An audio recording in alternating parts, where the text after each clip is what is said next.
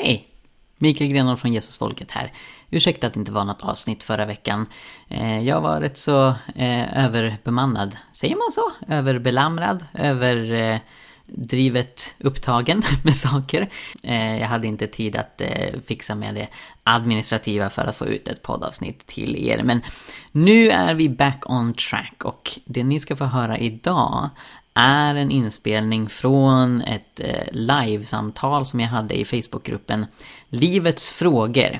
Och då pratar jag inte om eh, den eh, giftiga gruppen Livets frågor som eh, fullständigt domineras av ateister och eh, ja, uttrycker sig på ganska grova sätt. Utan det finns en snäll och fin och eh, ja, men väldigt spännande Facebookgrupp som heter Livets frågor, religion och livsåskådningsdialog med 8000 medlemmar. Där troende och skeptiker eh, pratar om religiösa frågor. Det finns kristna där, det finns muslimer, det finns en och annan Jehovas vittne. Eh, ateister, agnostiker. Och det skapas många intressanta samtal där som för det mesta håller sig på en respektfull nivå. När jag hade blivit tillfrågad av en av administratörerna att berätta om min bok Dokumenterade mirakler och svara på frågor från folk som undrar hur jag egentligen kan tro på mirakler och hur jag till och med kan anse att vetenskap bekräftar miraklers existens. Och Oj, oj, oj, så många frågor som kom in. Det strömmade verkligen in. Eh, lyckligtvis så, så, så, lyckades jag faktiskt svara på varenda fråga som kom in. Eh, men det här blev ett väldigt spännande samtal. Ambitionen var från början att faktiskt släppa in några eh, kritiker och skeptiker att, att liksom i dialog med mig eh, ställa frågor direkt, liksom via mikrofon. Men eh, jag begrep inte hur man gjorde rent tekniskt, så det blir att jag helt enkelt läser upp group saker som folk skriver och sen svara på dem. Och jag tror att det här verkligen kan vara belysande. Eh, dels liksom, ja men hur jag tänker när jag argumenterar för miraklers existens. Många tror att, att mitt argument är betydligt mer simpelt än vad det är. Så det är många som får intrycket att jag pekar på något som ser konstigt ut och så säger jag alltså finns mirakler och Gud. Men jag försöker bena ut här att nej, det mirakelargument som jag försvarar är lite mer sofistikerat än så, lite mer komplext men också därmed tycker jag mer robust. Och ni kommer få höra på det. Det var inte bara ateister som ställde kritiska frågor utan även några troende som känner sig skeptiska till moderna mirakler och ni kommer få höra min interaktion med dem också. Och om du inte har läst Dokumenterade Mirakler så har jag goda nyheter till dig. Eh, för att eh, dels så finns ju förstås boken tillgänglig att köpa och låna på bibliotek och sådär. Men för oss som gillar ljudböcker och för oss som använder Storytel så har Sjöbergs förlag berättat för mig att den snart kommer släppas där som ljudbok. Så dokumenterade mirakler kommer man snart kunna lyssna på i, i sin fulla längd genom eh, Storytel. Eh, om man inte har Storytel och inte vill skaffa det men fortfarande gillar att ta in budskapet via öronen så kan jag också tipsa om podden Dokumenterade Mirakler som jag spelade in tillsammans med några fina människor från Sveriges Kristna Radio förra året. Och den podden består av tio avsnitt där vi bland annat pratar med människor som har upplevt tillfrisknanden efter bön som enligt läkarna saknar vetenskaplig förklaring. Eh, så det kan jag verkligen rekommendera. Men nu ska ni få höra mig interagera med en stor mängd ateister och även några troende som fullständigt grillar mig när det gäller min övertygelse att det finns dokumenterade mirakler. Håll till godo!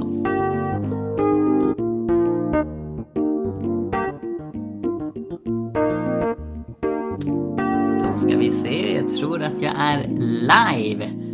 Hej allesammans i Livets frågor! Mitt namn är Mikael Grenholm och eh, jag har fått eh, förmånen att eh, prata här i gruppen ikväll och svara på frågor om en bok som jag har skrivit som heter dokumenterade mirakler.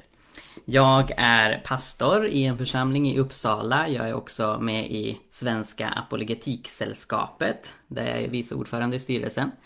Och eh, så pluggar jag lite kyrkohistoria på halvtid och skriver böcker och gör lite smått och gott och eh, har varit kristen sedan jag var 15 år gammal.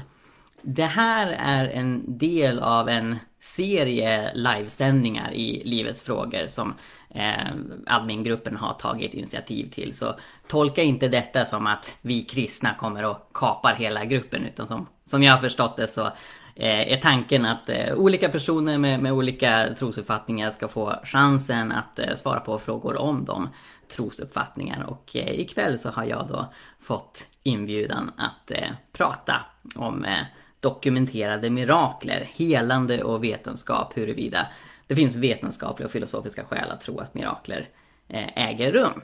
Och eh, jag hoppas ju få in en hel del frågor. Vi ska se om jag dessutom lyckas bjuda in folk så att de kan ställa frågor live via sina kameror och mikrofoner. Eh, jag är lite förvirrad kring hur det ska gå till men jag hoppas att det funkar. Om inte så dela jättegärna med er av Eh, frågor, tankar, invändningar, kritik i kommentarsfältet. Så tar vi och pratar om vetenskap och mirakler. Och jag ska ta och börja med några frågor som har kommit in innan den här livesändningen satte igång. Där en av dem kort och gott frågar Hur definierar du mirakel och hur får du in Gud i en oförklarad läkning? Två mycket bra frågor. Så min definition av mirakler är övernaturliga fenomen vilket jag anser också kan uttryckas som händelser som inte enbart beror på naturliga processer. Så om man tar ett mirakulöst tillfrisknande, det som kristna och många andra religiösa företrädare kallar för helande, så involverar ju det något naturligt, nämligen en mänsklig kropp. Men det är inte bara den naturliga processen vi är intresserade av utan för att vi kallar det ett mirakel så menar vi att det har skett någonting övernaturligt och med övernaturligt menar jag helt enkelt det som inte är en del av naturen, det som inte är en del av det fysiska tidrummet som vi kallar universum. Utan en kraft utöver det som på något sätt ingriper i naturen. Hur får jag in Gud i en oförklarad läkning? Det jag gör i den här boken är att jag utgår från en rad exempel på när det har skett tillfrisknanden som enligt läkare är vetenskapligt oförklarliga. De ser ingen naturlig vetenskaplig förklaring till det tillfrisknande som har skett. Och man kan väldigt tydligt se att det hänger samman med bön om helande. Så jag samlar ihop sådana här exempel. I boken har jag med 50 fall men jag pekar på en del studier som i sin tur pekar på att det finns tusentals eh, sådana här exempel. Och sen argumenterar jag filosofiskt för att det är osannolikt att de alla beror på okända naturliga fenomen. För det är egentligen vad en naturalist, en person som anser att det inte finns några mirakler, måste säga. Allting som verkar vara mirakulöst är egentligen naturligt. Och orsaken till de fall när vi inte ser någon naturlig förklaring, det är att den finns där men den är okänd för oss. Så en naturalist behöver eh, säga att det, det, finns en hel del naturfenomen som vi inte har upptäckt. Vilket inte i sig är en orimlig tanke utifrån att om man tittar på historien så fanns det saker som människor inte kände till som fanns där hela tiden. Så har vi kommit på det utifrån att, eh, att vetenskapen har utvecklats. Men att naturalisten måste göra en förutsägelse. nämligen att eh, allting som, som vi är med om, eh, hur mirakulöst den verkar, är egentligen naturligt. Och jag argumenterar för att det är osannolikt att det är så. Och jag kommer komma tillbaka till hur jag resonerar där. Därefter, när jag liksom har konstaterat att det är osannolikt att alla vetenskapligt oförklarliga tillfrisknanden beror på okända naturliga fenomen. Då konstaterar jag att i så fall finns övernaturliga fenomen. Alltså mirakler, för det finns ingen mellannivå mellan det naturliga och övernaturliga utan man behöver välja antingen eller. Och jag menar att det är relativt enkelt att argumentera för om man konstaterar att mirakler finns, att det finns någon typ av gud. Ja, mitt Guds argument är religionsneutralt. Så det är inte konstruerat för att specifikt peka på den kristna guden även om jag själv är kristen. Utan mitt argument kan användas av en muslim eller jude och många andra va, som tror att det finns en gud. Eh, och det jag gör är helt enkelt att jag argumenterar för att på grund av att de mirakler vi då har observerat har en tydlig koppling till bön så är det rimligt att anta att det finns en intelligens bakom att dessa övernaturliga tillfrisknanden har skett. Och för att göra en lång historia kort så, så, så tycker jag att det, det, är relativt enkelt att komma fram till slutsatsen att det, att det finns en gud. Men nu har vi fått en fråga i chatten. Skulle vilja ge exempel på något som du skulle kunna kalla ett mirakel? Jag kan ge några exempel på det jag kallar för vetenskapligt oförklarliga tillfrisknande efter bön. Jag tänkte dela med mig av tre stycken. Det första är eh, Maria Johansson i Flen som eh, höll på att bli helt döv. Alltså hon fick en hörselskada som blev värre och värre. Enligt hennes öronläkare så berodde det på att eh, eh cellerna i hörselsnäckan dog en efter en. Eh, och de meddelade henne att hon skulle bli helt och hållet döv. Hon hade haft det här i fyra år så hörde hon så pass dåligt att hon kunde inte prata i telefon, hon var beroende av att läsa på läpparna och så vidare. Men så gick hon på en gudstjänst i sin församling, Sionförsamlingen i Flen. Och där var några som bad för henne och eh, hon fick hörseln tillbaka. Så hon beskriver väldigt vackert i en bok som, skrivit, som hon har skrivit som heter Mitt livs mirakler om hur hon njöt av att kunna höra gruset under sina fötter och höra fågelkvittret igen och sådär. Och sen så undersöktes hon av sin öronläkare som blev väldigt förbluffad. Eh, utifrån att eh, i och med att hennes eller hade dött så borde hon inte kunna höra någonsin igen. Men nu så hade hon återfått samma hörsel som hon hade innan hon blev sjuk. Vilket inte var en perfekt hörsel. Så till exempel kunde hon inte höra syrsor. Alltså i de, de högre frekvenserna så, så var hörseln fortfarande dålig. Men det konstaterar öronläkaren är ganska normalt för kvinnor i Marias ålder. Så här hoppas jag att ni kan se en eh, jämförelse. Det här är då audiogram. Här är då före gudstjänsten i maj 2016 och här är efter gudstjänsten. Och ni ser där att eh, eh, det har skett en, en ganska dramatisk förbättring. Det här är en decibelskala som är logaritmisk, så Marias hörsel hade förbättrats eh, med, med en faktor på mellan 10 och 100 000. Eh, så hon hörde mycket bättre. Eh, så det är ett exempel. Jag skriver också om en kille som heter Jens Sjöström som hade en hjärnskada. Han vårdades på neurorehab på Norrlands universitetssjukhus av fem specialistläkare där. Och de sa till honom att han kommer inte bli frisk från det här. Och den här hjärnskadan gjorde att han var tvungen att sova 12 timmar per natt. Han kunde inte lyssna på musik, han kunde inte kolla på TV. Han kunde inte umgås bland människor även när det var eh, okej okay att göra innan pandemin hade brutit ut. Eh, på grund av att allt det där överlastade hans hjärna. Men efter att han hade varit eh, så här sjuk i 10 månader så blev han eh, plötsligt fullständigt frisk. Eh, en söndag eftermiddag, halv fyra på eftermiddagen. Och det var samma dag som hans vän Lydia som var med i hans församling hade hon upplevde att Gud hade talat till henne om att idag kommer Jens bli frisk. Så hon hade smsat till honom, idag är det din dag Jens, kom till kyrkan så blir du helad. Men Jens kunde inte gå till kyrkan, han var inte jättepepp på det heller, så han tackade nej till det. Eh, men hon bad för honom organisera en bön för Jens tillfrisknande klockan halv fyra den eftermiddagen. Och det var då, märkte de sen, precis samtidigt som, som han faktiskt blev frisk. Nå, eh, Jens läkare hittade ingen eh, naturlig medicinsk förklaring till, till hans tillfrisknande. Och blev väldigt förvånade över detta. Eh, och ytterligare ett exempel som kan nämna är eh, Sivert eh, Enarsson som jag pratade med som hade väldigt svåra andningssvårigheter. Var tvungen att gå med rullator, var tvungen att sätta på sig en särskild syremask på natten för att inte kvävas till döds. Och han, han eh, andades så, han hade så svårt att andas att han hade också svårt att eh, tala och få ut luft överhuvudtaget. Så det var väldigt svårt att prata med honom. Men han blev fullständigt frisk när han besökte ett bönemöte i Övre Sopporo. Och hans läkare, Eva Norman på Norrlands universitetssjukhus, blev helt förbluffad och skrev till och med i journalen Han har bett till Gud och fått hjälp av Jesus. Så det här är några exempel på tillfrisknanden som enligt de läkare som har undersökt dem själva inte har en naturlig förklaring. Och jag argumenterar för att även om man kan tänka sig att det finns naturliga förklaringar till fenomen som, som vi inte har hittat än, så är det osannolikt att alla dessa Eh, vetenskapligt oförklarliga tillfrisknande skulle ha naturliga förklaringar. Eh, och, och, jag pekar på en rad olika faktorer som, som gör att det blir osannolikt. Ett exempel är när sådana här tillfrisknanden sker i kombination med till exempel som i Jens fall, att han blev frisk exakt samtidigt när hans vän Lydia bad för honom. Trots att han själv inte var medveten om det, de var på två olika platser. Ja, att osannolika saker sker, det vet vi ju. Det är ju i, sig inget argument för Guds existens. Alltså, på något sätt måste ju osannolika saker hända förr eller senare.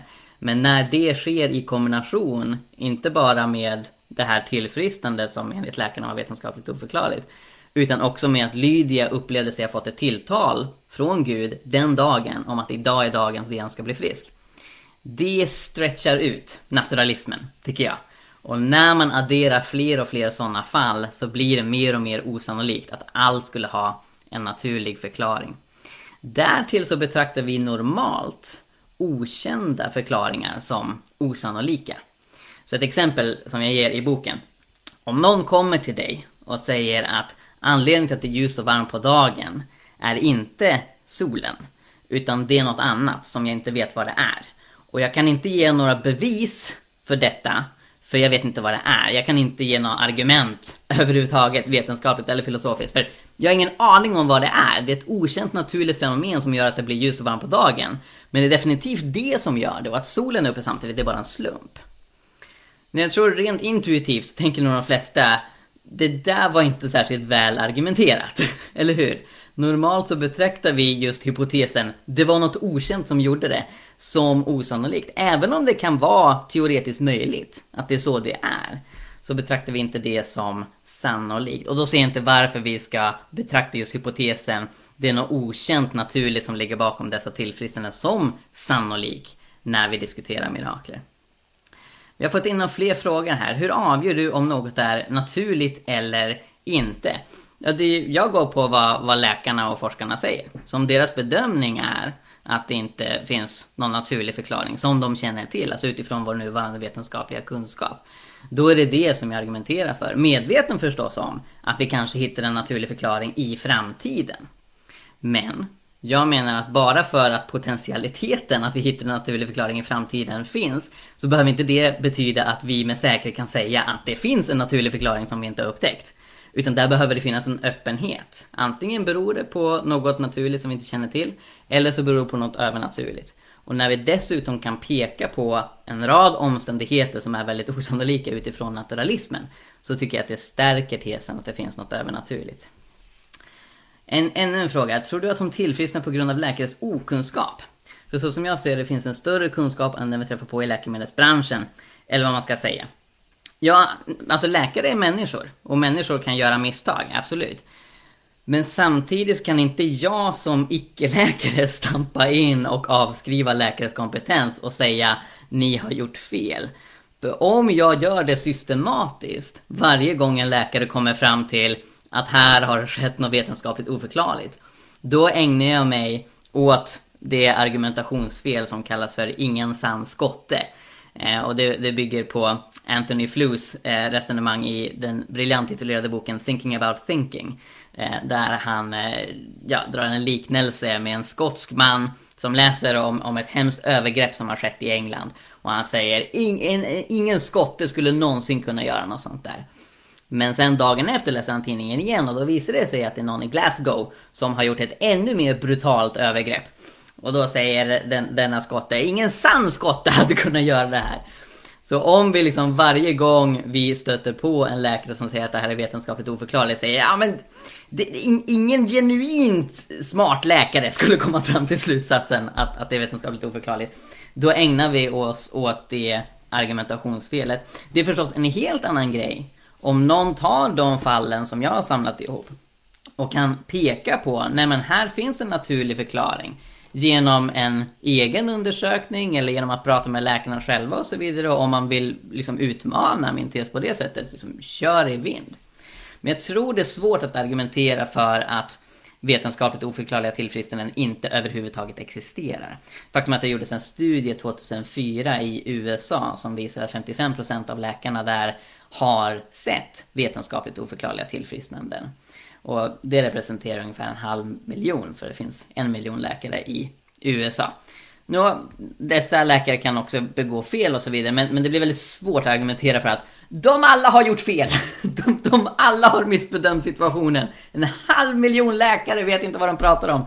Eh, det, det, blir ganska svårt att argumentera för det. Så att, egentligen så, så att det finns tillfrisknanden som saknar vetenskaplig förklaring. Det är någonting som alla kan vara överens om. Alltså det kan kristna och muslimer och ateister och alla andra vara överens om. När jag satte mig ner med Christer Sturmark i samband med att jag skrev den här boken eh, så eh, sa han just det. Att han, han har inget att invända mot att det finns vetenskapligt oförklarliga tillfrisknanden. Sen tror ju han att alla de beror på naturliga fenomen som vi inte har upptäckt. Men det är övertygelsen som, som jag invänder mot på ett filosofiskt sätt. Ytterligare en fråga. finns det många peer-reviewed exempel på denna typ av händelse. Eh, om inte, var, varför, varför inte om, om det nu sker? Jag försöker översätta här från antingen norska eller danska. Eh, och ja, var, om, om ja, var, var finns de? Så ett exempel på en peer-reviewed artikel eh, om det här fenomenet är Candido Browns artikel i Southern Medical Journal som publicerades 2010. Eh, och nu kan jag inte på rak arm minnas den exakta titeln men eh, jag ska se om, om jag kan slå upp det här. Men det Candido Brown gjorde var att hon åkte ner till Mosambik och undersökte syn och hörselnedsatta. Eh, och eh, som, som fick förbön av några missionärer från Iris Global, en missionsorganisation där nere.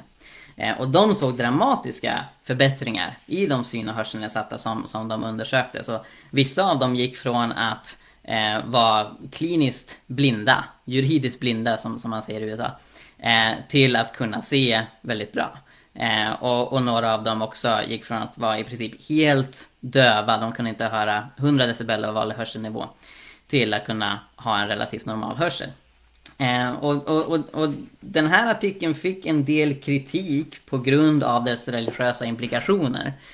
Och, och vissa har också invänt att, att eh, den hade ingen kontrollgrupp och att eh, det, det, var icke-ideala förhållanden, det var ganska bullrigt i bakgrunden när de gjorde hörseltesterna och så vidare. Kan du Gunther Brown poängtera att det tog de hänsyn till, så inte nog med att de eh, liksom Eh, undersökte hur väl de kunde höra en viss signal i de här hörlurarna som stoppar på. Utan de mätte dessutom upp samtidigt vilket buller som skedde i bakgrunden. Eh, och sen så har han också påpekat att på grund av att det var en pilotstudie som prövade en ny metod så krävdes ingen kontrollgrupp för att det skulle vara en legitim studie som publiceras med peer review. Eh, men, men den är, är överlag intressant och värd att kolla in och kan Gunther Brown skriver mer om den här studien och mer i allmänhet om att undersöka tillfrisknanden i sin bok Testing Prayer som är utgiven på eh, Harvard University Press. Och nu ska jag dessutom läsa upp för er vad själva studien heter. Den heter Study of the Therapeutic Effects of Proximal Intercessory Prayer on Auditory and Visual Impairments. Det känns ganska onödigt att jag läser upp titeln. ni kommer ändå glömma den. Om ni går in på dokumenterademirakler.se och söker på Brown i det lilla förstoringsglaset, eh, då kommer ni kunna hitta den studien. Eh, Jacqueline frågar varför är det bara vissa som upplever dessa mirakler? Väldigt bra teologisk fråga. Eh, som många teologer har, har försökt svara på. Väldigt, väldigt kortfattat så skulle jag säga att eh, det, det, är svårt att reducera det till individnivå varför den ena och inte den andra upplever mirakler. Eh, det bibliska löftet är att alla kommer bli helade i evigheten. Och de helanden som sker nu är en försmak på det. Men varför liksom individ X upplever det och inte individ Y, det är väldigt komplext.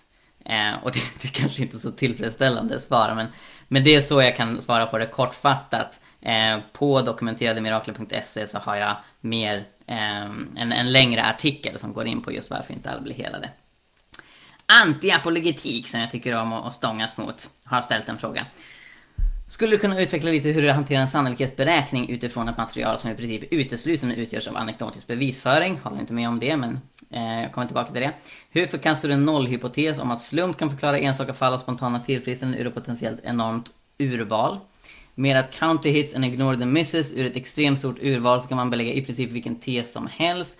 Det vill säga, hur går du från anekdoter med okänt samband och urval till ett generellt uttalande om sannolikhet? Jag undrar också hur du skattar osannolikheten för att en okänd, on, för att en okänd onaturlig förklaring är involverad då det får betraktas som något som aldrig observerats. Okej, det är egentligen två frågor här. Så jag håller inte med om att det är anekdotisk bevisföring när man utgår från vad, vad läkare och forskare konstaterar. Ja, det finns vissa som, som använder ordet anekdot på det sättet men jag tycker att det blir att blanda samman med liksom rena vittnesbörd eller bara berättelser. Alltså det vi vanligtvis menar med, med anekdot. Medan det jag utgår från är när läkare och forskare säger att det här saknar vetenskaplig förklaring. Om de har fel så går ju det att bevisa förmodligen. I och med att de har fel va. Så då kan man gå till dessa fall och peka på, nej men här var den här konkreta naturliga förklaringen. Än så länge har jag inte erfarit det. Alltså den här boken har funnits ute nu i ett och ett halvt år. Eh, jag har egentligen inte erfarit att någon har gått igenom liksom fall för fall och pekat på här var den här naturliga förklaringen och här var den här naturliga förklaringen. Om någon vill göra det så varsågod, men jag, jag ser inte riktigt att, att det har gjorts. Ehm, och sen då med, med det här att eh, den här boken har som sagt 50 fall och antiapologetik pekar på att det är ett potentiellt enormt urval. Så, så liksom, hur kan man utesluta att det här bara är slump? Konstiga saker händer ibland om man har ett extremt stort urval så bör man snarare förvänta sig det.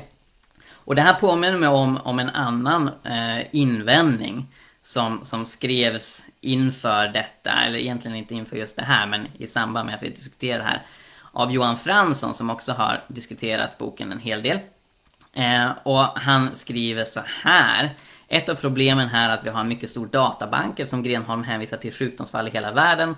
De fall han plockar ut är som droppar i ett enormt hav av medicinsk dokumentation. Låt säga att du går till läkaren en gång om året och att det blir notering i journalen. Multiplicera det med 10 miljoner så har vi 10 miljoner journalanteckningar bara i Sverige. Under ett år, tar med hela världens befolkning, låt säga 50 år, och de miljarder och åter miljarder av journalanteckningar. Kommer vi hitta konstiga saker i denna mängd, saker som förefaller osannolika och svårförklarade? Självklart. Kommer en del av dessa vara korrelerade med bön? Med tanke på att de flesta människor i världen är religiösa, att bön troligtvis förekommer extra mycket när någon har blivit sjuk, är svaret tveklöst ja. Har vi därmed etablerat att bönen inte bara korrelerar utan är förklaringen till vissa gåtfulla tillfrisknande? Svaret är nej. Nu notera här att Johan Fransson, han använder inte ordet vetenskapligt oförklarligt. Utan det han pratar om är tillfrisknande som förefaller osannolika och svårförklarade. Han kallar dem även gåtfulla. Och jag tror att antiapologetik använder lite liknande språkbruk. Eh, ja, att slump kan förklara enstaka fall av spontana tillfrisknande ur ett potentiellt enormt urval. Det är inte riktigt samma språkrum, måste jag erkänna. Eh, men det, alltså, här, här kommer egentligen min respons till detta. Naturalismen förutser att det finns naturliga förklaringar till allt. Okej? Okay? Naturalismen behöver inte säga att vi har upptäckt alla de naturliga förklaringarna, men när en person har blivit naturalist så har den personen ansett att vi har tillräckligt goda skäl att tro att allting som sker och någonting kommer att ske har naturliga orsaker. Och, och då handlar det inte, alltså notera här att det inte handlar om att jag har samlat ihop konstiga fall. Det handlar inte om att jag har samlat ihop gåtfulla fall. Utan jag har samlat ihop fall som enligt de läkare som har tittat på detta, och alla fall är undersökta av flera läkare så det är inte bara en.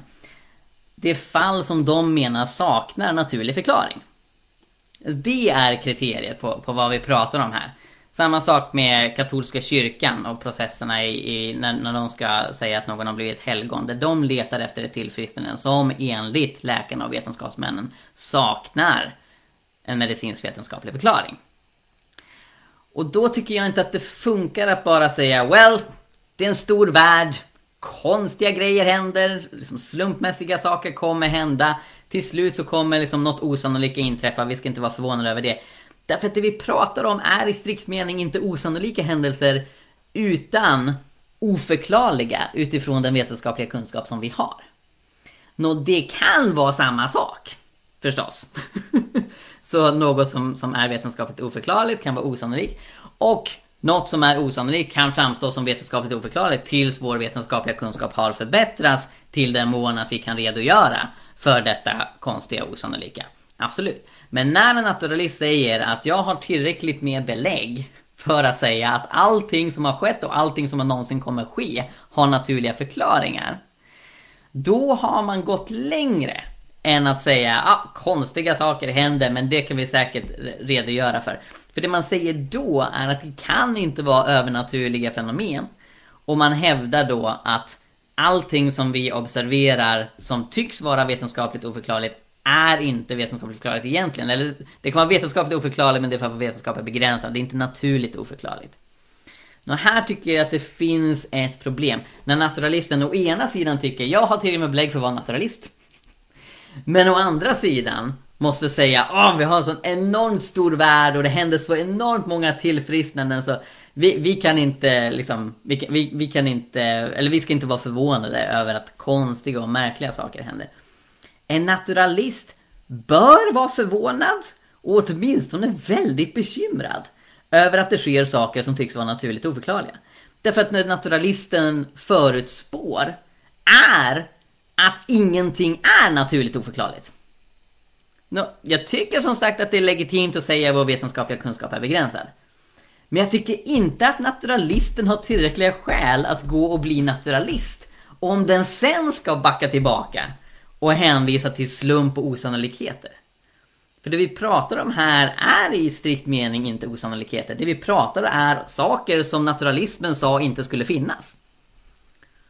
Och visst, naturalismen kan ha rätt. Anledningen till att vi ser detta, det är att vår kunskap är begränsad.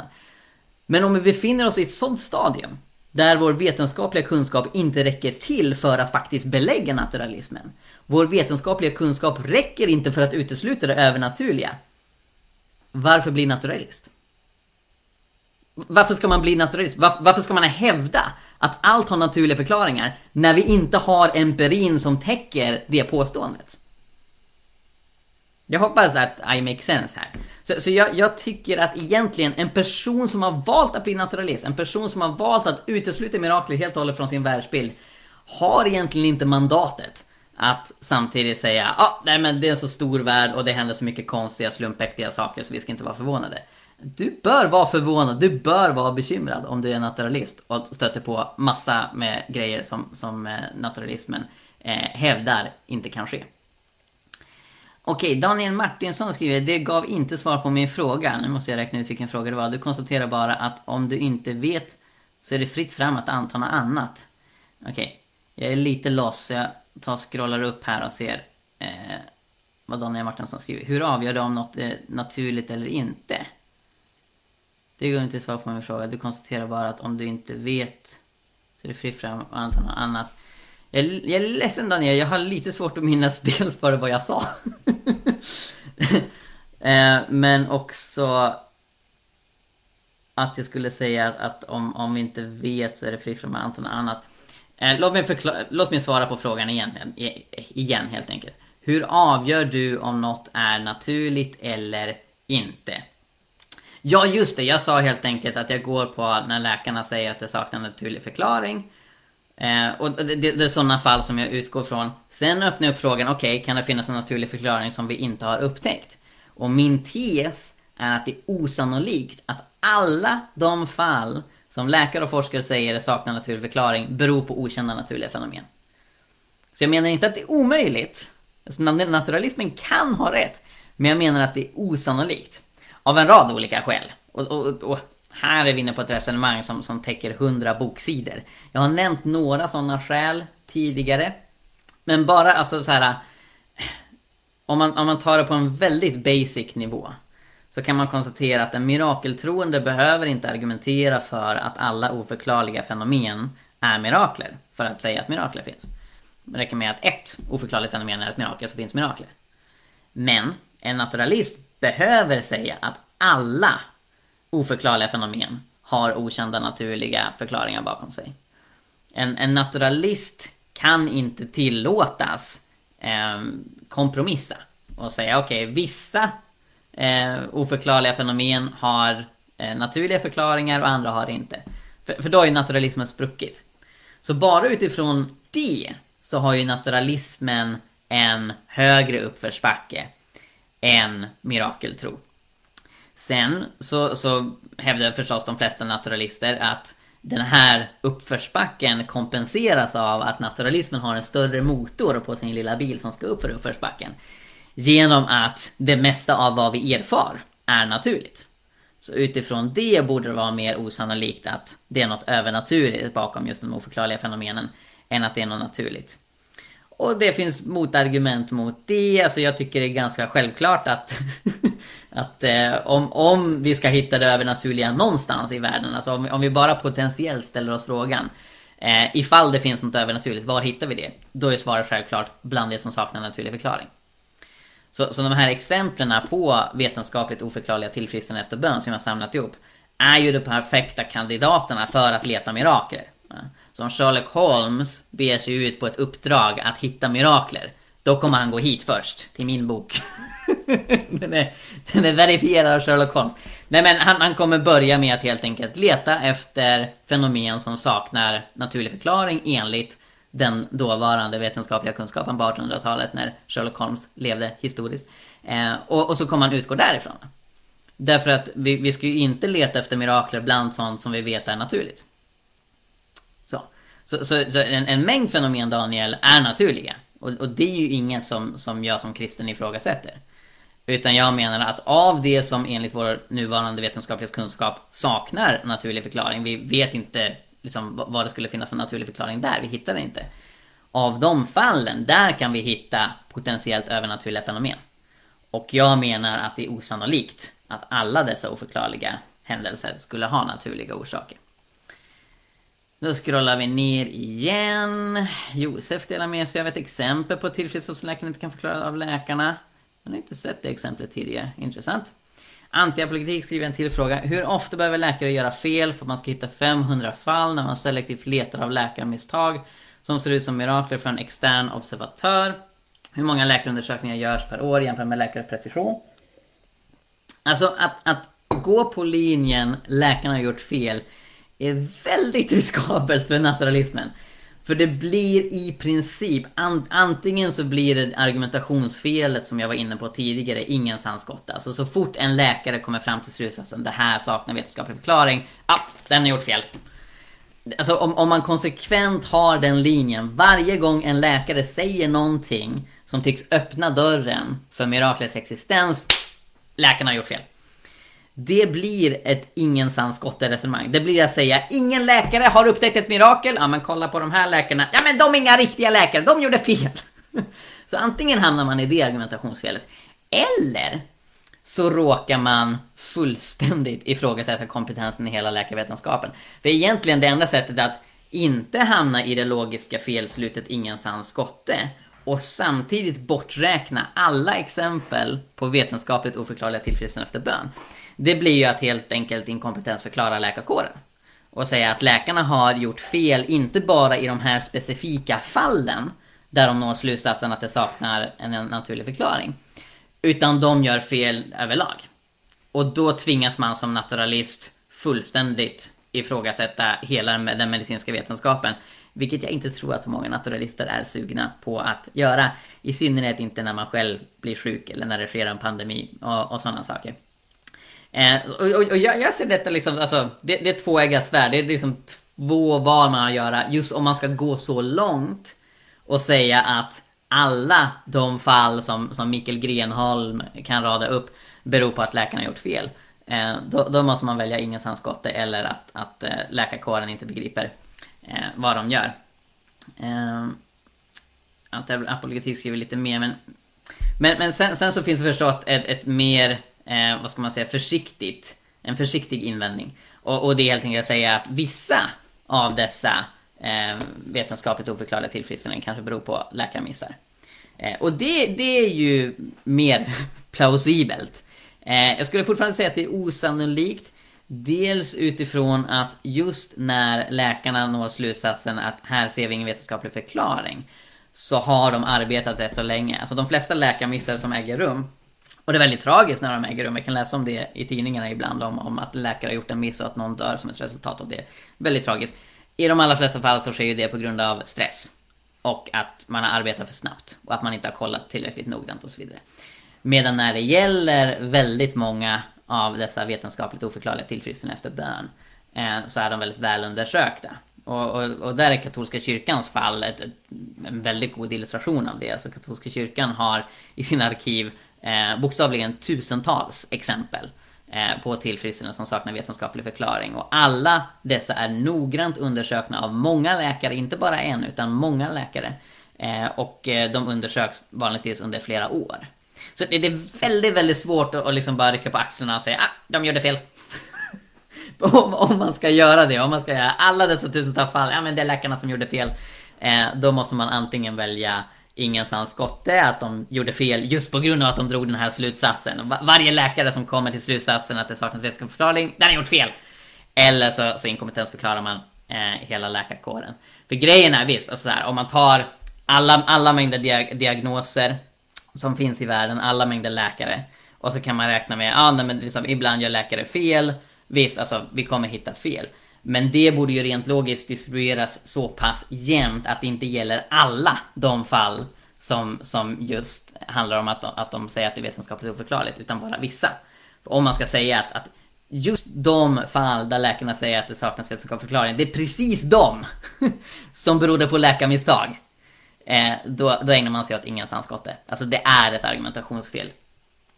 Eh, Anders frågar om, om jag kan berätta om ett voteb ur min bok. Eh, han missar början, ja precis, för jag drog tre stycken i början Anders, fy skäms. Eh, nej men jag kan dra väl något mer. Eh, så, så, ett väldigt intressant eh, exempel är Per-Ola Malm som jag skriver om. Som diagnostiserades med ALS 1985 eh, och han lever idag.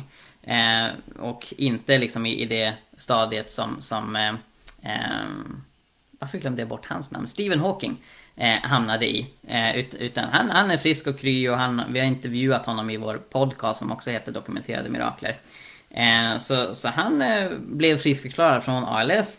Vilket är rätt anmärkningsvärt på grund av att ALS är en obotlig sjukdom. Och en del som har läst detta drar direkt slutsatsen, ja men i så fall hade han inte ALS. Så han hade en, en annan neurologisk sjukdom som påminde om det. Men grejen är att det var inte slutsatsen som hans läkare drog. Så dels har vi Lars-Olof Ronnevi som eh, eh, vårdade Per-Ola och han skrev så här. För oss okända skäl och helt i strid med den enda sjukdomens nästan undantagslösa prognos har vi härefter emellertid sett en successiv, nu praktiskt taget total symptomregress. Fallet är antagligen mycket märkligt. Eh, och sen så eh, var det också en annan läkare som faktiskt var eh, väldigt eh, insatt i ALS-forskningen överlag på 80-talet. Eh, han hette Sebastian Conradi. Eh, han sa under är ett ord man skulle kunna använda i det här fallet. När man forskar som jag, då lär man sig också att det finns väldigt mycket man inte kan förklara medicinskt. Så jag är framförallt glad för Per-Olas skull, otroligt glad faktiskt, och jag tycker att hans fall är både spännande och fascinerande. Ingen av dessa läkare ifrågasatte att det var ALS som han hade. Utan de argumenterade för att här var det ett exempel på när ALS faktiskt försvann. Eh, så, så det är ju väldigt signifikant va. Och, och som sagt utifrån att ALS är en obotlig sjukdom så borde inte det eh, kunna ske. Och det anser jag är därför en god kandidat för att, att, att kalla det ett mirakel. Eh, ska vi se. Antiapologetik skrev ju något mer här och jag gissar att det är som respons på mitt första svar till honom. Eller henne. Eh, jag syftar på anekdotisk i vetenskaplig bemärkelse, det vill säga enstaka, en är lika med ett utsagor, även om, om de är expertutlåtande. Historiska läkarundersökningar går inte att undersöka på det viset i efterhand. Vi kan inte göra de undersökningar som krävs utan en tidsmaskin, vilket är varför vi brukar behöva kontrollera studier för att belägga medicinska fenomen. Jag menar inte att votebs måste vara osannolika, men du har inte ett slumpmässigt urval i din bok. Ett okänt antal tillfrisknande som ser ut som mirakel torde finnas i det hav som Johan Fransson liknade vid. Problemet är att du inte vet hur många och hur stor sannolikhet det är att finna sådana av en slump. Nej men visst, så, så jag kan respektera att man använder anekdotiskt på ett annat sätt än vad man normalt använder det som. Alltså egentligen så är det ett filosofiskt argument som jag för fram. Alltså jag pekar på att det finns fall eh, av tillfrisknande som är vetenskapligt oförklarliga enligt de läkare som har undersökt dem och dessa har skett efter bön. Och sen när jag samlat ihop en rad sådana fall så argumenterar jag filosofiskt för att det är osannolikt att de alla beror på okända naturliga fenomen. Eh, och jag tycker inte riktigt, alltså så här, man behöver först punktera det argumentet som jag för fram. Innan man sen liksom kan säga så här, ja, nej men för att vi inte har en studie som ser ut så här så kan vi inte dra den slutsatsen. Därför att om mitt argument är giltigt så är det osannolikt att alla dessa fall har naturliga förklaringar och i så fall finns mirakler. För, för, för att då, då, måste vissa av dessa fall ha övernaturliga förklaringar. Eh, och det är inte, tyvärr inte jättemånga som interagerat just med det argumentet som jag för fram. Johan Fransson är ett exempel på någon som, som har riktat kritik mot det argumentet. Han, han, han har tryckt ganska mycket på det här att läkarna måste ha gjort fel. Eh, vilket är fascinerande. Jag räknar inte med att så pass många naturalister skulle eh, verkligen trycka på, på det. Eh, men om vi återvänder till frågan. Eh, jag menar inte att votet måste vara osannolika men du är inte ett slumpmässigt urval i din bok. Ett okänt antal tillfrisknanden som ser ut som mirakel torde finnas i det hav som Göran Fransson liknade vid. Nej, inte utifrån naturalismen. Alltså återigen, om, om, om vi anser att vi har tillräckligt goda skäl att bli naturalister och hävda att ingenting som någonsin sker har något annat än naturlig förklaring. Hur kan vi då samtidigt säga, samtidigt finns det mängder med eh, saker som händer som eh, inte har naturlig förklaring vad vi vet. Alltså, så jag, jag, tycker det blir svårt att liksom behålla sin naturalism samtidigt som man säger, ja men naturligtvis är världen så pass stor och, och det finns så många olika tillfrisknanden att vi ska inte vara förvånade över eh, tusentals exempel på, på vetenskapligt oförklarliga tillfrisknanden. Jag, jag, tycker inte det blir rimligt. Alltså det, det, vi pratar om återigen, det är inte enbart osannolika händelser. Det är det som naturalismen menar är omöjligt. Och, och jag, jag förstår förstås att, att en naturalist kan fortfarande hänvisa till eh, bristande vetenskaplig kunskap. Jag, jag, jag, jag, förstår verkligen det. Samtidigt, den personen som faktiskt har valt att bli naturalist i vårt rådande eh, kunskapsläge. Den, den som menar att vi har tillräckligt på fötterna för att kunna säga att det finns inget övernaturligt, det har aldrig funnits något övernaturligt och ingenting som någonsin händer kommer ha en övernaturlig orsak. Den personen tycker jag inte riktigt har eh, legitimitet att samtidigt hänvisa till eh, slump och att det är en sån otroligt stor värld att vi inte ska vara förvånade över att vi upptäcker massa av dessa exempel som, som naturalismen nyss förespådde inte skulle kunna ske. Eh, så det är det som är mitt problem med, med det sättet att resonera. Eh, Ricka frågar, känner du till något av dessa mirakler vid katolsk helgonförklaring? Vad är ditt intryck av dessa? Är det exempel som kunde vara med i din bok? Flera av dem är med i boken. Eh, och, och, många av dem är, är djupt fascinerande. Så jag skriver till exempel om eh, Benedikta som eh, klunkade i sig en massa paracetamol när hon var eh, tre år gammal. Eh, och eh, paracetamol som finns i Alvedon är bra i de mängder som anges på paketet men eh, dödligt om man tar en överdos för att det sätter sig på levern. Så hon åkte in till ett barnsjukhus i Boston och vårdades eh, av läkare där. Hon hamnade i koma. De meddelade föräldrarna att eh, hon kommer inte överleva detta. Eh, och eh, föräldrarna bad ivrigt för hennes tillfrisknande. Eh, helt plötsligt så vaknar Benedikta upp. Eh, och när de tar nya leverprover så är levern helt och hållet frisk. Det var som att hon aldrig hade satt i sig Eh, den här paracetamolen. Eh, och det här intresserade sig Vatikan för, för att eh, det gick att relatera till en helgonförklaring. Så huvudläkaren där, jag tror han heter Ronald Kleinman, han fick åka över till Rom och berätta om det här och de pratade också med andra läkare. Och han sa, jag är inte religiös men jag, jag, finner bara ett ord för detta och det är ett mirakel. Därför att han beskrev det som att hon, det var som att hon hade fått en levertransplantation. Fast hon ju förstås inte hade fått det. Eh, så, så, det var i princip som att hennes lever hade blivit fullständigt förnyad. Eh, och, och, det var ju någonting som han inte såg någon eh, naturlig förklaring till. Eh, så det bidrog till en helgonförklaring och eh, likt de allra flesta eh, fall. Det finns några exempel på, på eh, ja, men det, det vetenskapliga materialet Eh, till helgonförklaringar som jag har frågetecken kring. Bland annat en, alltså ett av miraklerna som användes för Moder Teresas helgonförklaring tycker jag. Att det verkar sketchy, det är några läkarna där som protesterar, det var inte alls vad vi sa. Men överlag, i de allra flesta fall, så är eh, det vetenskapliga materialet väldigt gott och eh, väl genomarbetat i samband med de katolska helgonförklaringarna. Eh, och, och, där har vi protestanter en del att lära tycker jag. Eh, när det gäller just att eh, använda sig av medicinsk dokumentation för mirakelpåståenden. Jakob frågar, argument av de som inte tror på mirakler brukar många gånger ta upp om att ingen människa med amputerade kroppsdelar får sin kroppsdel utväxt efter bön.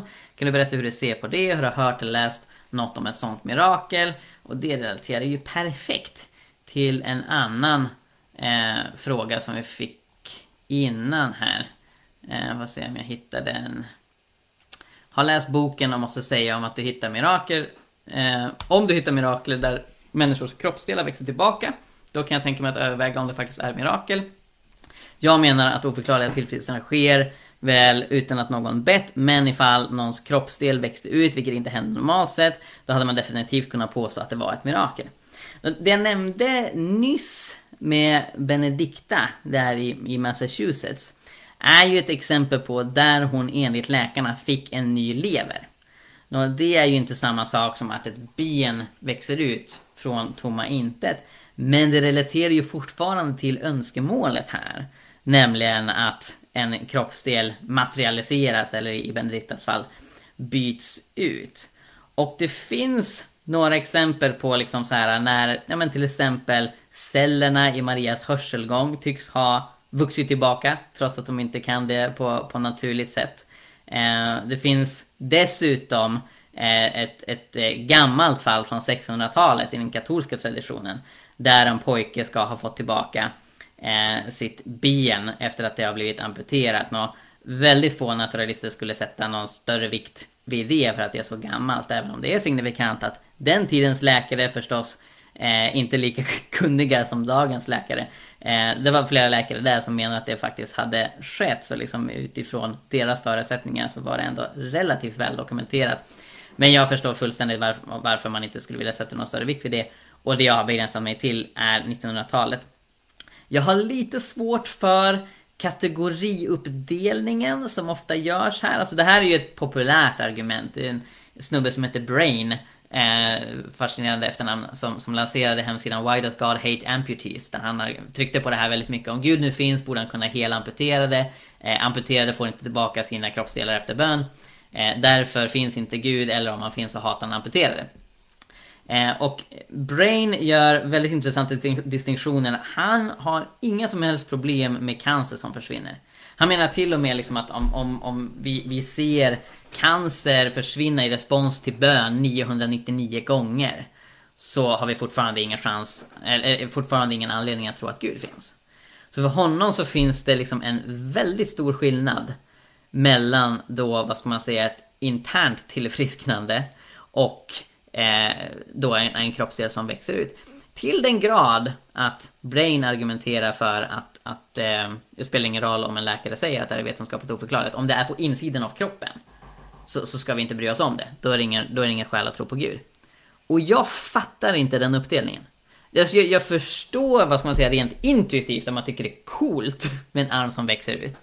Men om en läkare säger att Benediktas lever var helt förstörd av paracetamol nu när vi tar nya leverprover, nu när vi undersöker hennes lever så är det att man har fått en helt ny lever. Jag ser det som ett likartat fenomen som att, som att en arm växer ut. Jag förstår inte liksom varför man ska göra en så enormt stor skillnad mellan ett organ som är inuti en människa och ett organ som växer ut på en människa. Annat än att jag fattar det intuitiva, eller att man, man rent känslomässigt tycker att det är häftigt att se ett, ett sånt mirakel och, och det förstår jag verkligen. Jag skulle också gärna vilja se ett sånt mirakel. Men rent kategorimässigt så borde Benediktas fall falla i samma kategori. För det är lika omöjligt att en människa får en osynlig levertransplantation utan att kroppen öppnas upp. Som att hon får tillbaka en arm eller ett ben. Så jag är lite svårt för liksom varför man ska göra en sån enormt stor skillnad mellan eh, dessa olika fall. Eh, jag ska också läsa en fråga som kom in från Johan Hell. Alltså Johan vill ju vara med och prata lite här. Vi har tio minuter kvar. Eh, men jag, jag tror faktiskt... Alltså ja, jag, jag, var rädd för det här. Jag ser inte hur jag skulle kunna bjuda in någon att delta i själva streamen. För när jag läste på det här eh, innan så, så stod det att man eh, kunde göra det från eh, mobilen, från, från Facebook-appen. Och jag använder som ni förstår dator för att det är en mycket bättre mikrofon och kamera och sådär. Så jag tror tyvärr Johan att jag inte kommer kunna bjuda in dig till själva streamen. Men jag tar och svarar på den fråga som du skrev innan.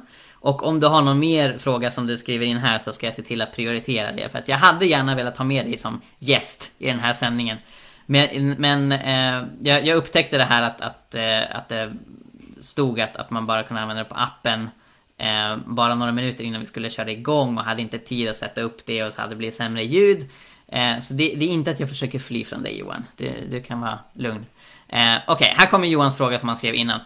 Eh, Grenholm anser att han har bevisat att Gud hör bön, att Gud helar människor, att Gud gör folk friska. Beviset består i att läkare i vissa fall inte kunnat förklara att till synes obotligt sjuka människor blir friska efter att närstående har bett för dem vetenskapligt oförklarliga tillfrisknanden efter bön. Detta är självklart inget bevis för Guds existens. Skulle alla människor bli friska efter bön kommer saken i helt andra dagar. Men herr Grenholm, alla blir inte friska efter bön. Vad säger detta om ditt gudsbevis? Till mitt försvar så skulle jag säga att mitt gudsbevis är betydligt mer sofistikerat och har fler steg än vad Johan gör gällande här. Eh, så det är inte så att jag bara konstaterar, kolla, här finns tillfrisknande och saknar vetenskaplig förklaring, alltså finns Gud. Det vore ett apdåligt argument, därför att då hoppar man över flera steg. Och jag försöker göra ett ganska gediget arbete med att reda ut alla steg som behövs.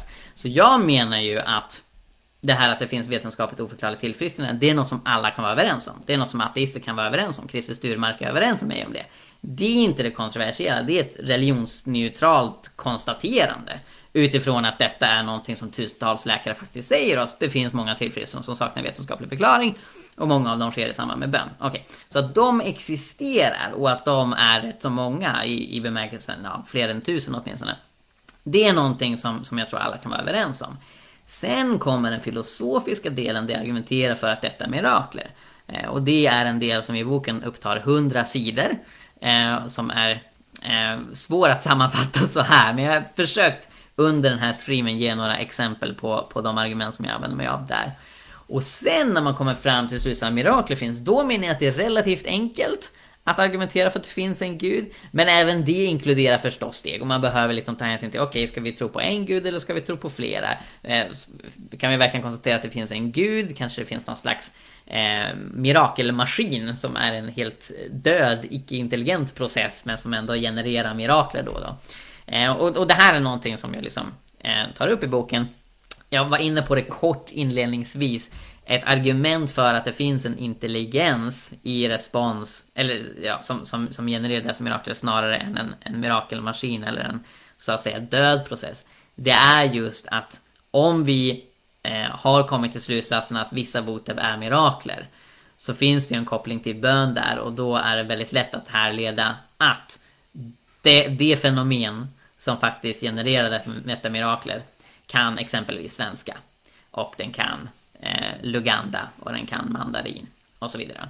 Så, så det liksom går det här att det finns en intelligens som dessutom är insatta i mänskliga språk eller om man så vill kanske gå på mänskliga känslor. Men det är liksom det är någonstans en intelligens där. Om man verkligen vill insistera på att det är mirakelmaskin så behöver man fortfarande säga att det finns någon intelligens som har skapat den mirakelmaskinen för att den ska kunna förstå svenska. Så, så det är liksom ett argument som jag använder mig av. Men jag tror inte riktigt det är, är, är Johans huvudfokus här. Han, han konstaterar att det är otillräckligt att bara säga att ett tillfrisknande saknar vetenskaplig förklaring och direkt hoppa till slutsatsen Gud finns. Jag håller med om det.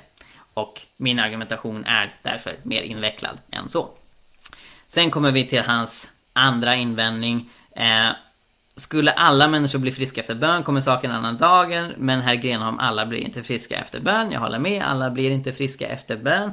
Jag håller också med om att ett mirakelargument för Guds existens vore starkare om alla blev friska efter bön.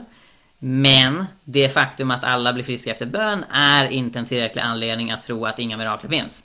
Därför att det är bokstavligen att gå direkt in i det andra diket utan att ange något ytterligare skäl till det.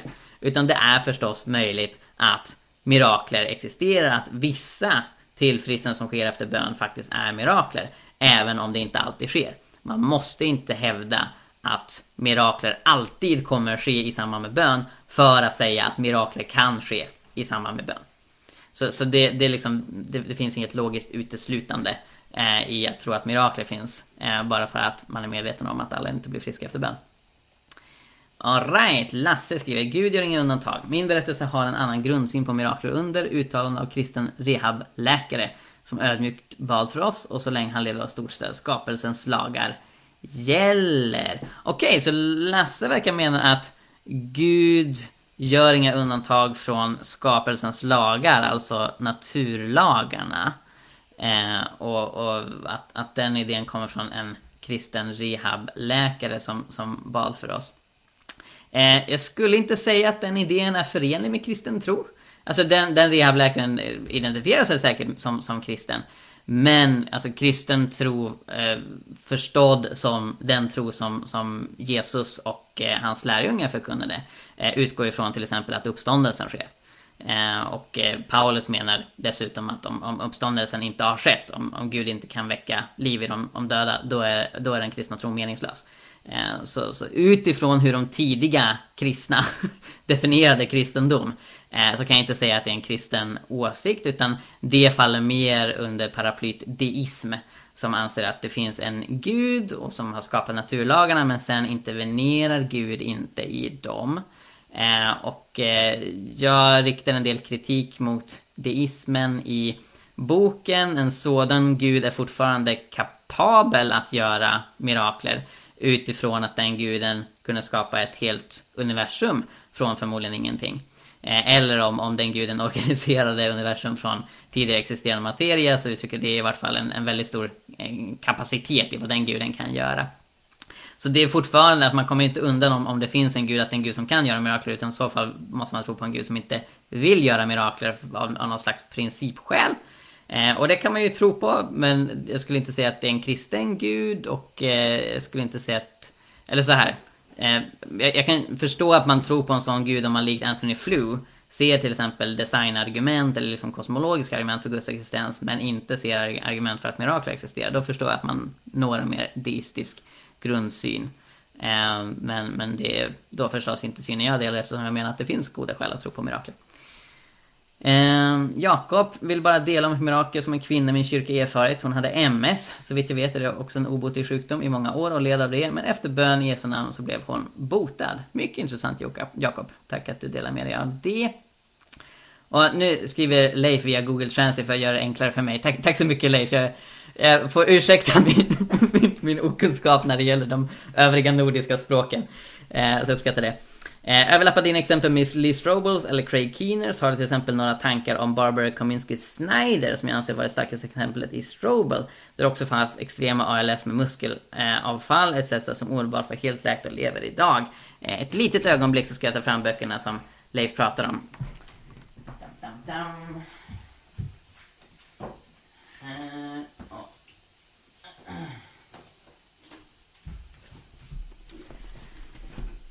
dum. ska vi se här. Egentligen vet jag inte varför jag har hörlurarna på mig för det är ingen som pratar med mig men det, det känner mig liksom uppkopplad mer. Okej, okay. så jag antar att eh, Leif syftar på Lee Strobels bok The Case for Miracles. Eh, som väldigt lämpligt kom 2018 eh, när jag skrev på min bok. Så jag skaffade mig den här. Jag var lite besviken utifrån att jag förväntade mig något fler, vad ska man säga, originella fall. Eh, mycket av det Lee skriver om hade jag redan läst, bland annat i Keeners bok. Eh, men det är fortfarande en, en väldigt bra, och intressant introduktion. Eh, så, så, ja, men det, jag, jag hänvisar till Lee vid, vid något tillfälle, men det jag framförallt använder mig av det är Craig Keener som har skrivit den här bjässen. Så Miracles, the credibility of the New Testament accounts, är resultatet av att Craig Keene började på en fotnot i sin kommentar av Apostlagärningarna. Craig Keene är exeget. Eh, och i, han, han, skrev den här fotnoten för att förklara varför han som forskare inte utgår från att de mirakler som Nya Testamentet berättar om är hittepå eller legender. Utan han är öppen för att det är historiska händelser. Oh, förlåt mig. Och när den fotnoten hade blivit 200 sidor så tänkte han att det här blir någon egen bok i sig självt. Så Miracles är 1200 sidor idag, utgiven då i två volymer. Eh, och han fokuserar inte på eh, vetenskapligt oförklarliga tillfrisknanden, utan det han fokuserar på är exempel på eh, upplevda mirakler som människor man i allmänhet kan lita på, såsom akademiker och jurister och, och så vidare, eh, kan dela med sig av. Och anledningen till att han gör det är att han svarar på David Humes gamla dammiga argument från 1700-talet. Som gick ut på att eh, inga, ingen grupp av visa män har någonsin sett mirakler. Eh, så Craig Keener samlar ihop eh, några hundra olika exempel på eh, visa män och kvinnor, vilket för David Hume skulle varit en självmotsägelse. Eh, som, som eh, kan visa att, att eh, eller som, som menar att mirakler har skett. Då Craig Keeney är förstås medveten om att det är inte samma sak som ett vetenskapligt bevis för att mirakler faktiskt har skett.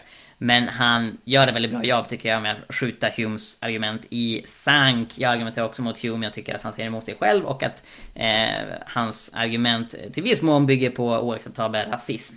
Så jag tycker inte att eh, ateister idag ska använda sig av Humes argument mot mirakler. Eh, men Craig Keeners eh, bok är väldigt intressant och även om man då inte fokuserar på fall som, som eh, anses vara vetenskapligt oförklarliga av läkare så har han med några sådana fall. Eh, så, och, och han, hans eh, filosofiska resonemang också väldigt intressanta. Även om han liksom själv är eh, historiker och exeget så har han verkligen satt sig in i den filosofiska diskussionen kring till exempelvis Hume. Eh, så det är verkligen en bok eh, jag kan rekommendera som, eh, vad ska man säga, den, den nörd, nördiga eh, tunglyftaren i dessa sammanhang. Eh, och Lee Strobels funkar som en lättvindig introduktion i ämnet. Så de är skriven lite olika på det sättet. Eh, då ska vi se.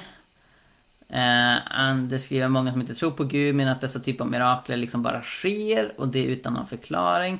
Att det skulle hända exempelvis slumpvis. slumpvis. Hur tänker du om att förklara teorin kring slumpen? Så det här relaterar till, till det jag lyft tidigare angående eh, både Johan Franssons och antiapologetiks invändningar. Eh, och ja, men just för att vi inte bara pratar om sånt som är osannolikt utan som enligt vår nuvarande vetenskapliga kunskap är omöjligt eller åtminstone naturligt omöjligt så, så, blir, så blir det svårt tycker jag att, att hänvisa till ja, men slumpmässiga saker händer, osannolika saker händer. Naturalisten borde ju mena att det här inte kan hända. Sen kan jag förstå en natural, att en naturalist förstås tänker att vår vetenskapliga kunskap är begränsad. Men naturalisten har fortfarande gjort valet att säga att vår vetenskapliga kunskap är så pass bra att jag kan dra slutsatsen att naturalismen stämmer. Och då tycker jag att man backar egentligen från sin naturalism när man plötsligt säger att det, det är slumpen som orsakar eh, sådana här fenomen. Eh, Johan Hell är med i kommentarerna nu. Hon fick inte en ny lever. Han syftar på Benedikta. Levern byttes inte ut. Ett ben verkar ha vuxit ut. Okej, det här verkar vara live-kommentarer. Som, som ni märker är jag lite efter i responsen här. Eh, och Johan menar att hon inte fick en ny lever. Jag förstår att han anser det utifrån att han är naturalist. Men det som eh, Benediktas läkare sa var att det är som om hon har fått en ny lever. Vilket ju kan bero på att hon de facto fick en ny lever eller att liksom, ja, den lever hon redan hade eh, för, förvandlades till det stadium att det såg ut som att den var ny. Och det var läkarnas slutsats. Eh, är det möjligt att läkarna har gjort fel? Ja, men det är osannolikt utifrån att de studerar det här rätt så väl. Eh, och fick sen då liksom konfronteras med en jury som skulle eh, utreda om det här verkligen stämde och sådär. Eh, och, och, läkarna var inte troende själva och, och borde liksom inte haft någon slags eh, e- egen agenda för att driva igenom det här. Så att det, det, är någonting som jag förstår gör en naturalist som, som Johan Hell eh, frustrerad eller förvånad. Eh, men det var fortfarande det som läkarna faktiskt menar sig ha upplevt. Och det, det, är precis det här som jag menar just ställer till det för naturalismen. Alltså det, det, det är därför det är så svårt att säga ah, nej men allt har naturliga förklaringar. Därför att eh, det här borde inte kunna ske om naturalismen stämmer. Eh, nu ska vi se. PO stör sig på att det inte går att dela sändningen externt. Eh, det vet jag inte vad det beror på. Det får teknikerna avgöra. Eh, gissar att det kan bero på gruppens inställningar i sin helhet. Eh, du malar på om amputerade ben eller armar men du har noll exempel på att detta har hänt, skriver Johan. Levern består av en sorts celler, en arm består av hundratals olika sorters celler. Eh, oavsett hur många steg du redogör för så kvarstår fakta. Du duckar frågan, herr Grenholm. Eh, Okej. Okay. Ja, alltså jag har inget exempel på en, ett amputerat ben eller en amputerad arm som växer ut i modern tid. Och det är sant och jag kan förstå att en naturalist använder det som argument mot att Gud finns och svarar på bön. Samtidigt så stör jag mig på att man då gör en kategoriuppdelning där då utväxta ben och armar hamnar i en annan kategori än de fall av tillfrisknande som enligt läkarna är vetenskapligt oförklarliga som vi redan har. Inklusive ett fall så som Benediktas som ju uppenbarligen naturalisten Johan Hell har väldigt stora problem med. Alltså Johan verkar ju inte riktigt acceptera det läkarna säger att det är som att hon har fått en ny lever. Eller om man ska tolka mer välvilligt. Han kan acceptera att läkarna säger det men han, han menar att det beror förstås inte på att hon de facto fick en ny lever. Eh, men grejen, de hade ingen annan förklaring heller. Så det var inte bara att de säger hon fick inte en ny lever men det här naturliga fenomenet skedde istället. Utan läkarna sa att vi ser ingen naturlig förklaring till detta. Och, och det ställer till det för naturalismen menar jag. jag. Jag tycker att en, en person som har valt att bli naturalist och hävdar att det inte finns något övernaturligt den har anledning att ifrågasätta sin naturalism när han eller hon stöter på ett sånt exempel. Eh, Johan påpekar att levern består av en sorts celler, en arm består av hundratals olika sorters celler. Eh, jag vet för det första inte om det stämmer. Eh, och för det andra vet jag inte vad det har för relevans. Eh, därför att, eh, alltså, det, Alltså, nu, nu, låter det lite som att Johan menar att var och varannan Svensson då och då får en helt ny lever. För det, nyss, nyss argumenterar du för att det här inte kan ha skett. Va? Men jag, jag, jag, ser inte vad det skulle ha för relevans att om, om vi nu säger så att, att levern består av en sorts celler, jag vet inte om det är sant eller ej. Eh, så jag, jag förstår inte alls varför det skulle ge oss skäl att tro att det finns en naturlig förklaring till att Benedikta blev frisk när hon låg i koma och läkarna hade gett upp om henne och inte visste vad hon skulle kunna göra. Och efter att hon har blivit frisk så säger läkarna att de inte ser någon medicinsk förklaring. Jag ser inte alls vad det har för relevans, eh, hur, liksom, hur, hur många sorters celler levern har. Eh, Okej, okay. Lasse skriver också. Jag tror fortfarande på undrens gud och uppståndelsen har större tro på under än ett antal dokumenterade fall. Just det, så det här relaterar till att Lasse tidigare eh, hänvisar till en, eh, en kristen person som hade sagt att eh, eh, Gud gör inga undantag från naturlagarna. Min poäng är att liksom Ja, uppståndelsen är något som kristna behöver tro på för att kalla sig kristna. I bemärkelsen jag följer den tro som Kristus predikade därför att Kristus predikade att han skulle uppstå och eh, hans tidiga lärjungar hävdade väldigt tydligt att, att uppståndelsen var central för det. Och det är ju då ett mirakel som, vad ska man säga? Jag, jag tycker inte om att formulera det som att mirakel går emot naturlagarna för det låter som att liksom, Gud bryter mot lagen på något vis. Men det handlar fortfarande om någonting som är övernaturligt som inte enbart kan förklaras med naturliga processer. Så jag bara konstaterar liksom att även om man har en sån deistisk tro att Gud inte gör några undantag från naturlagen, att Gud inte gör övernaturliga saker i grund och botten, då har man inte en kristen tro. Och på något sätt tror jag Lasse håller med mig om det för att han själv då tror på uppståndelsen samtidigt som han talade positivt om, om tanken att Gud inte gör några undantag. Så om jag förstår dig rätt Lasse så tänker du väl snarare kanske Eh, att, att någon form av cessationism är sann, det vill säga att Gud gjorde mirakler förr och gjorde till exempel uppståndelsen men att han inte gör mirakler idag. Och det är en teologisk uppfattning som man kan ha men som jag uppenbarligen inte håller med om utifrån att jag tror att det finns mirakler som sker idag. Eh, Okej, okay. och så skriver Stefan eh, Tror inte på 99,9% av moderna mirakler. Jag är imponerad av att du har räknat så länge på det Stefan. Ja, i de flesta fall visar sig vara bluff eller naturlig tillfrisknande. Jag tror dock på alla underverk i Bibeln och det under Gud gör när han föder en människa på nytt. Och är verkligt närvarande i altarets sakrament. Alltså nattvarden. Och nu har vi kört på lite mer än en timme. Jag vill inte liksom vara, vara oschysst och, och avbryta innan vi har svarat på frågor. Men, men jag tror vi sätter punkt efter detta och möjligtvis något Nej, jag tror jag har tagit alla frågor som kom innan dess. Ja, nej men precis. Eh, I och för sig, jag skulle vilja svara på Johan Franssons bioargument innan vi stänger ner. Så jag tar Stefans fråga nu och sen tar jag Johan Franssons bioargument. Och sen så avslutar vi efter det. Eh, och eh, jag håller med Stefan om att eh, det finns saker som man visar sig vara bluff eller saker som framstår eller har, har beskrivits som mirakulösa som i själva verket visar sig vara naturligt eh, naturliga tillfrisknanden. Jag har inte sett något som helst som stöder på att det skulle vara fallet 99,9% av allt som hävdas vara mirakler. Jag skulle misstänka att, att Stefan har hittat på den siffran. Ehm, och det är egentligen, alltså det, Stefan hävdas inte att så är fallet utan det var, var hans, hans egen bedömning är. Ehm, men, men ja, alltså jag tror att du skulle uppskatta de fall som finns med i, i dessa böcker. Inte bara då dokumenterade mirakler utan då även Liz Robles The Case for Miracles. Eller om du verkligen vill sätta dig in i en tungviktare, Craig Keeners Miracles. Eh, många av de här mirakelböckerna som gillar att titulera sig Miracles kan än en gång också hänvisa till Candy Browns Testing Prayer. Därför att detta är böcker som faktiskt redogör för fall där läkare säger att det inte finns en vetenskaplig förklaring. Så utifrån vår nuvarande kunskap så kan vi inte säga att detta är bluff eller eh, att det beror på naturliga förklaringar. Sen finns det andra fall som, som folk har hävdat det här är mirakulöst, som är bluff, eller så är det naturliga förklaringar. Så jag argumenterar inte emot att de existerar. Men dels är det svårt att hävda att, att det ens är majoriteten. Och dels så, så ja, har vi redan publicerat material som tydligt visar att eh, saker som händer idag eh, faktiskt eh, saknar naturlig förklaring i samband med bön. Och det menar jag är, är goda kandidater för att kalla mirakler.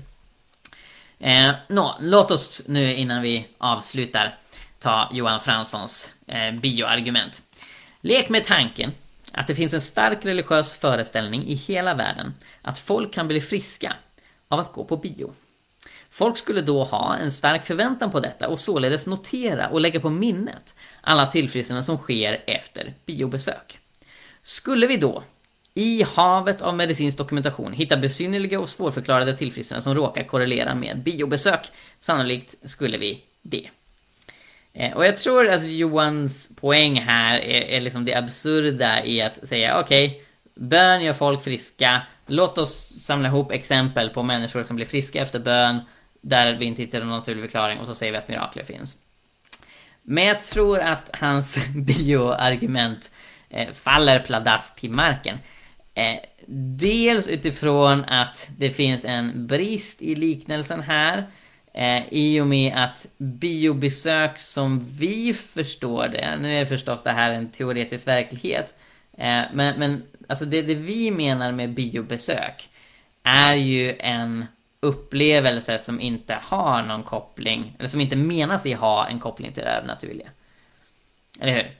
Eh, viss, vissa biobesök, alltså folk som ser Passion of the Christ kanske känner något andligt och så vidare. Men, men biobesök generellt, vi kopplar inte samman det till att människor hävdar sig ha en övernaturlig eh, koppling. Då det Johan framställer sig att, att, att, vi leker med tanken att det finns en stark religiös föreställning i hela världen och folk blir friska av att gå på bio. Utan att, att, att eh, liksom, det här är ett scenario där bio är, inte är de biografer som vi har i vår värld. Där folk går på bio bara för att se en film. Utan folk går på bio för att de förväntar sig en övernaturlig händelse. För att ja, men, det, det, allmän, det finns en allmän uppfattning där ute att på bio kan man bli eh, frisk. Och sen så upplever man, ja, människor blir friska. Grejen är att i ett sånt scenario, så ja, då hade liksom den världens Mikael Grenholm skulle kunna skriva en bok om att det är osannolikt att alla dessa eh, vad ska man säga, tillfrisknanden.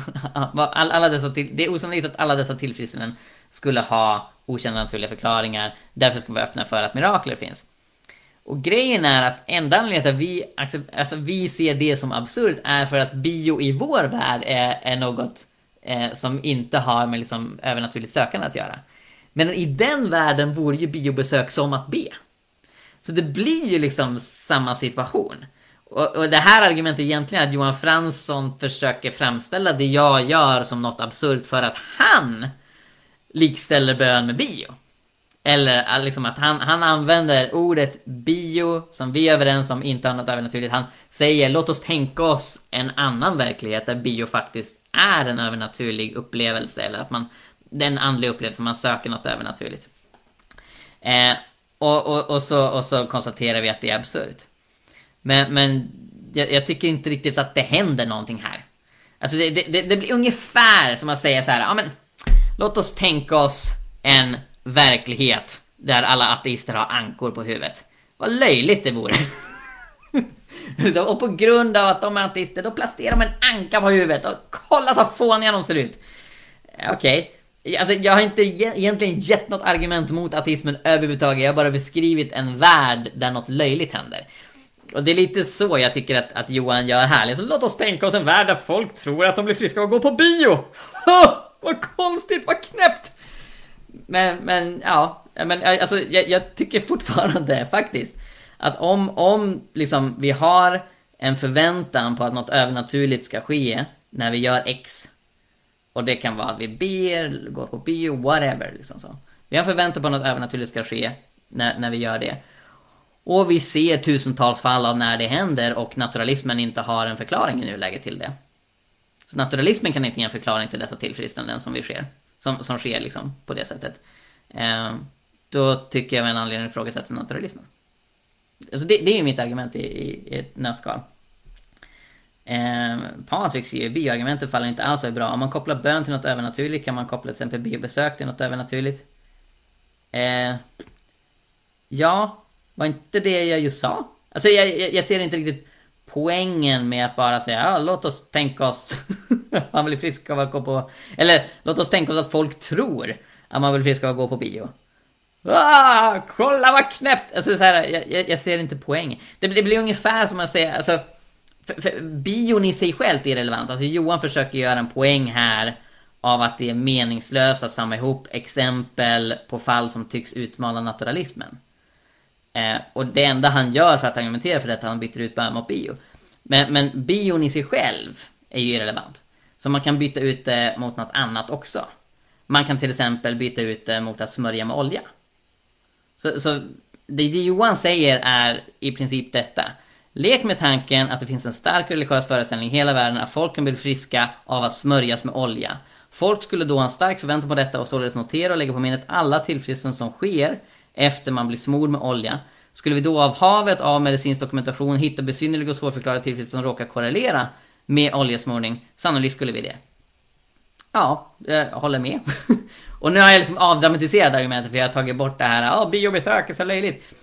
för, för liksom, alltså, det är ju en kristen praktik att smörja med olja. Det är därifrån eh, det katolska argumentet, sista smörjelsen, kommer ifrån.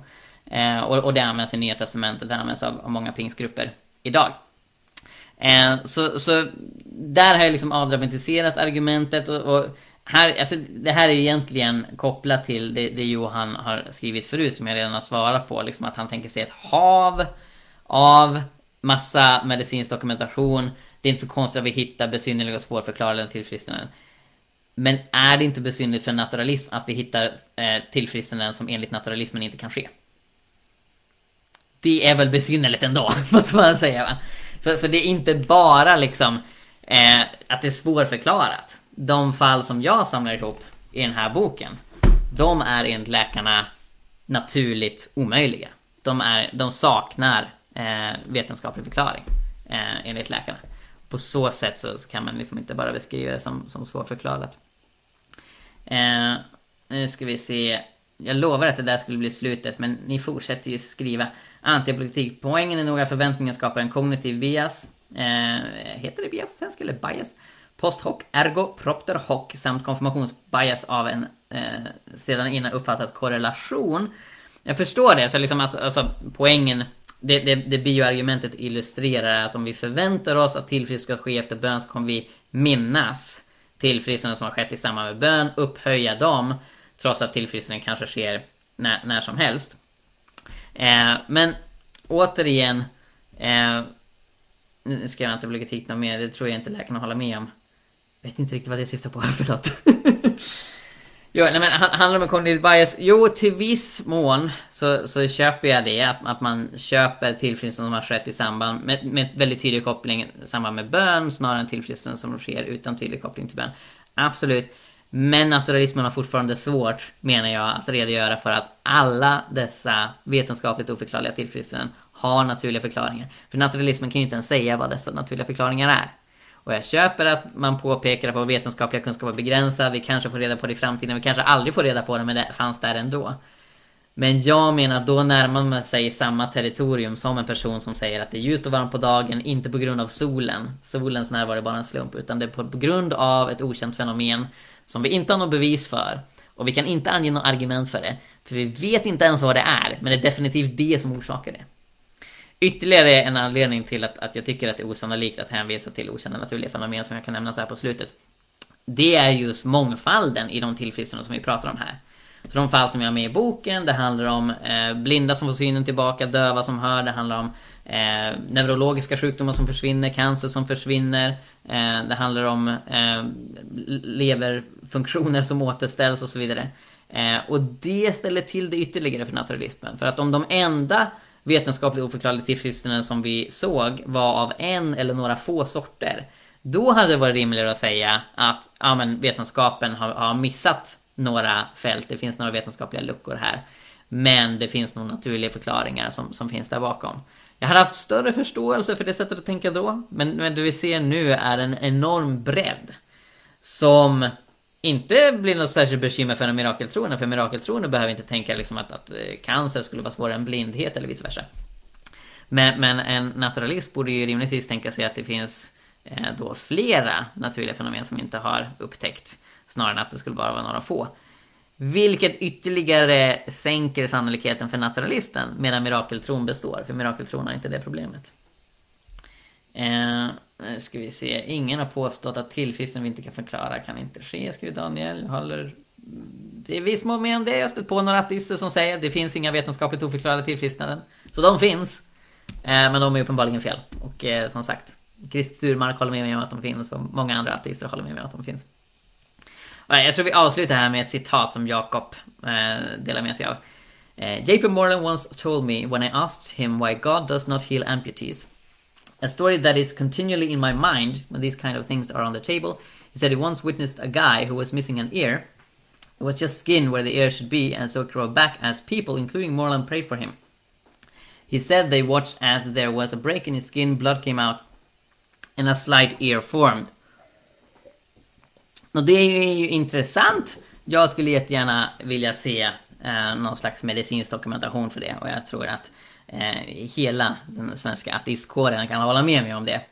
Att eh, eh, medan för en person som redan tror så är ju sånt uppmuntrande och en troende behöver inte ha så stor anledning att ifrågasätta det. Eh, precis som en ateist behöver inte ha så stor anledning att ifrågasätta liksom, eh, ett, ett påstående som utgår från ateismen.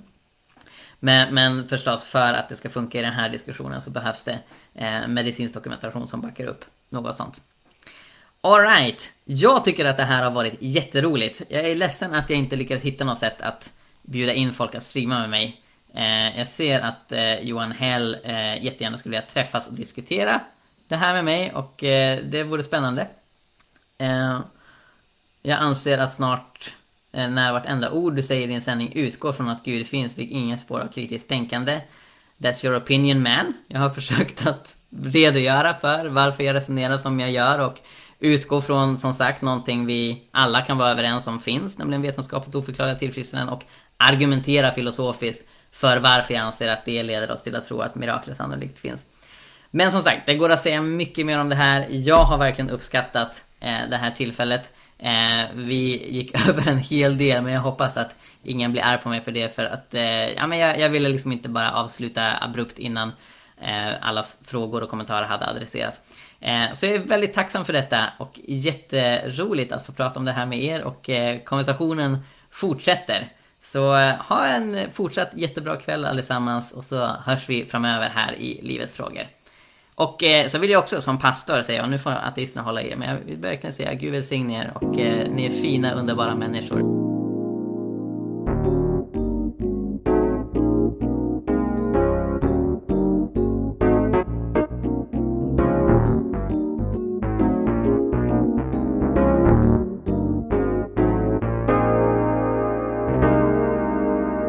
Tack för att du lyssnar på Jesusfolket. Om du vill höra mer så se till att prenumerera på iTunes eller valfri podcastapp. Glöm inte heller att lämna en recension. Det är en väldigt liten grej att göra som hjälper oss väldigt, väldigt mycket. Kolla in vår blogg Hela Pingsten. Där finns det mängder med artiklar, videor och annat material om Guds rike, lärjungaskap, fred, rättvisa, evangelisation, andens gåvor och mycket mer. Och se till också att följa oss på Facebook, både Jesusfolket och Hela Pingsten har sidor där. Gud välsigne dig och fortsätt att fördjupa dig i vad det innebär att vara en del av Jesus folk.